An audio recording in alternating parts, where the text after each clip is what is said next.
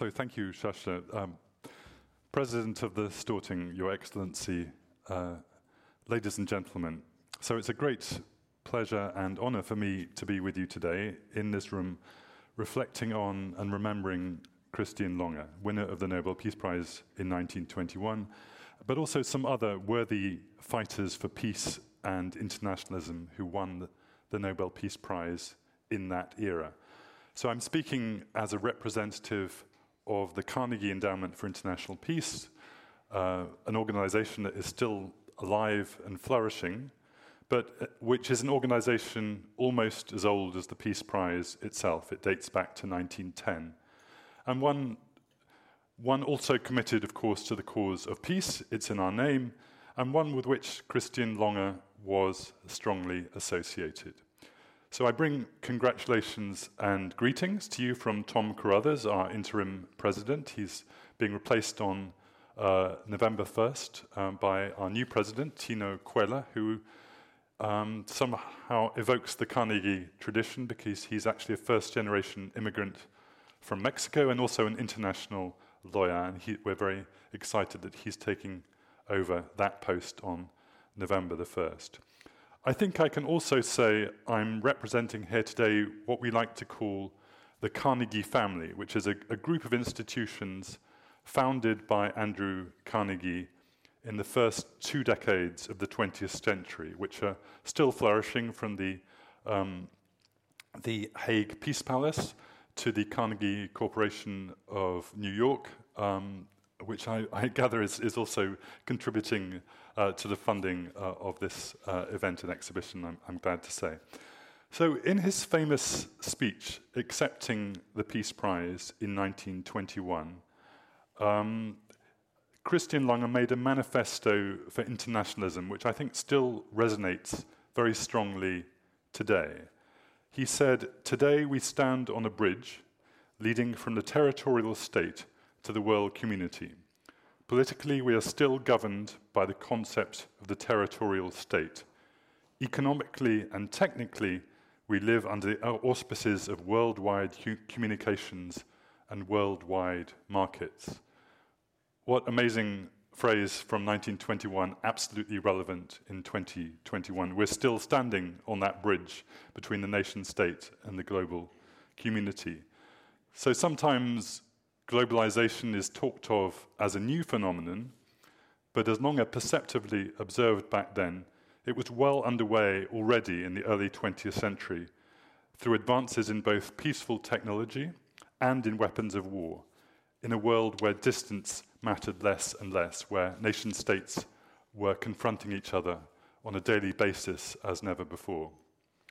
Today, as 100 years ago, the challenge, surely, is of an international order still constructed of nation states, but which is still too poor at collaborating effectively to resolve global problems. If the big danger in Lange and Carnegie's lifetime was a major European war, a war, unfortunately, which they saw happen in 1914, today we could say that the biggest problem is the slow motion cataclysm that is climate change. But now, as then, the problem is not that we do not know the dangers or what needs to be done. The problem is how to rise above the short sighted agendas of national politics and day to day agendas and learn how to work together to fix the really big issues. Lange was one of the so called Carnegie men. I'm afraid um, it is men because there were very, a few women, but mostly they were Carnegie men, um, a very distinguished group in that era. His intellectual work and leadership of the Interparliamentary Union made him one of the leading internationalists of that era. For many years, um, for more than a decade, I believe, he reported for the Carnegie Endowment from Geneva, from the League of Nations, and he was a kindred spirit of many of the other leading internationalists of the day. Who am I thinking of? I'm thinking of lawyer and diplomat former Secretary of State Elihu Root, the first president of the Carnegie Endowment.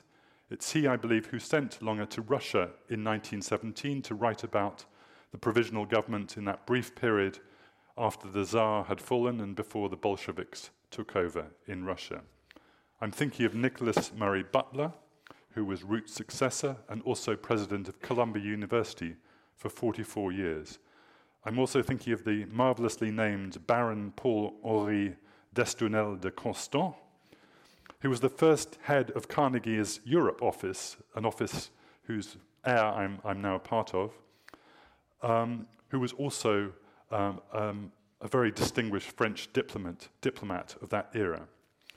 These men were idealists, but they were also pragmatists. They believed in international peace, but they believed in working through the politics of the day to achieve it. And they were big intellectuals, um, and amongst the other men I could mention um, of that era were John Maynard Keynes, who also benefited from um, the Carnegie Endowment, or the famous lawyer Hersch Lauterpacht. So it perhaps comes as no surprise that, like Lange, all three of the men I've named, Root, um, de Constant, and Butler, also all received the Nobel Peace Prize. Um, de Constant in 1909, Root in 1912, and Butler in 1931.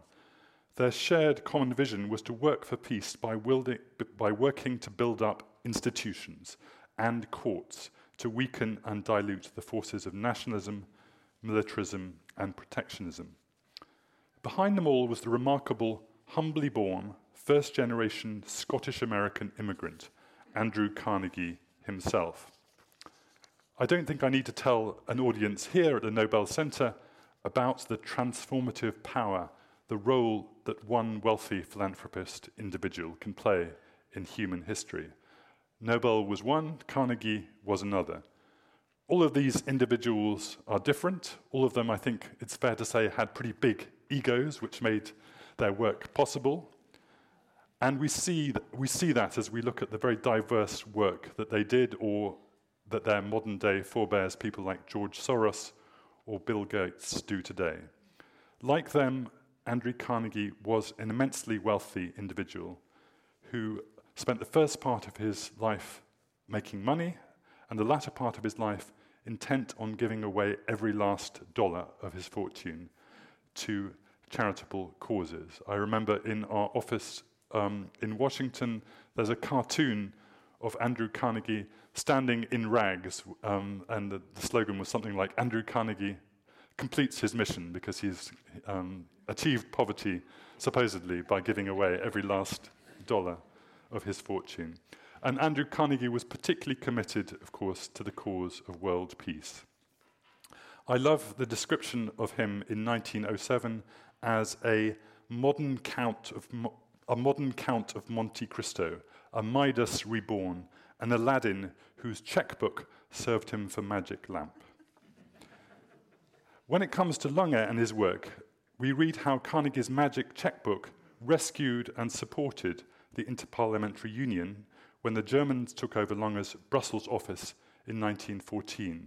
And I gather after that, Lange, for a long period, was actually working uh, from home um, and running the office from his house.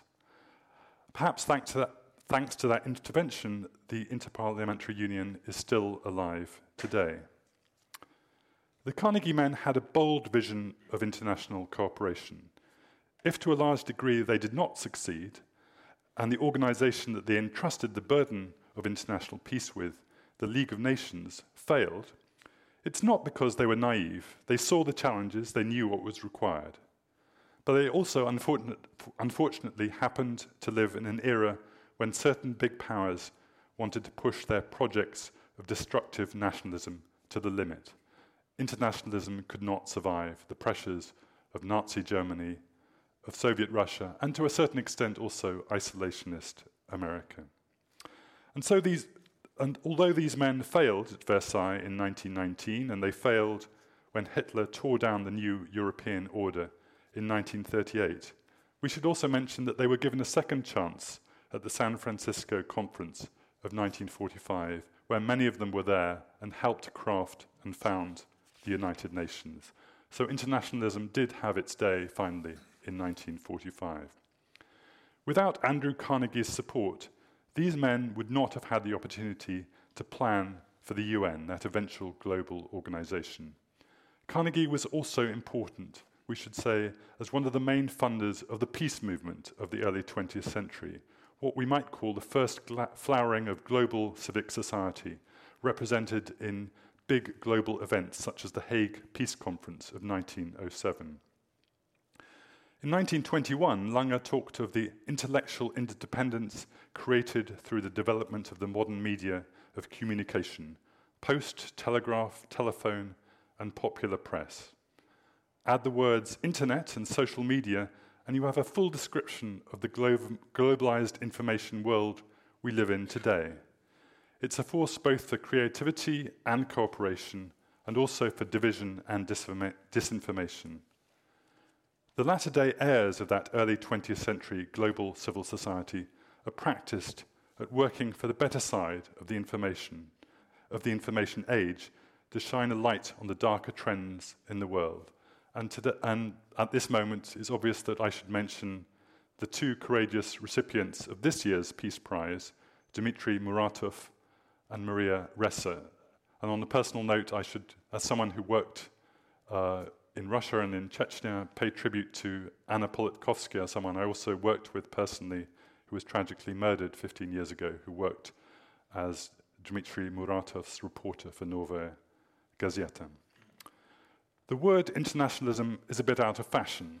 In the busy stream of world events, we at the Carnegie Endowment for International Peace sometimes forget our founding mission, which is in our title. We shouldn't, but we do. The, the, world moves too fast. So, our celebration and event today is a very good moment to step back a bit, take the long view, and honour the internationalists, and in particular honour Christian Lange and the idea to which he devoted his life internationalism, and to, and to the idea that the only solution to the world's problems which will ever be truly effective, surely, are the ones rooted in that idea of internationalism. Thank you so much again for the invitation to be with you today in Oslo and to remember our shared history and commitment to international peace. Thank you.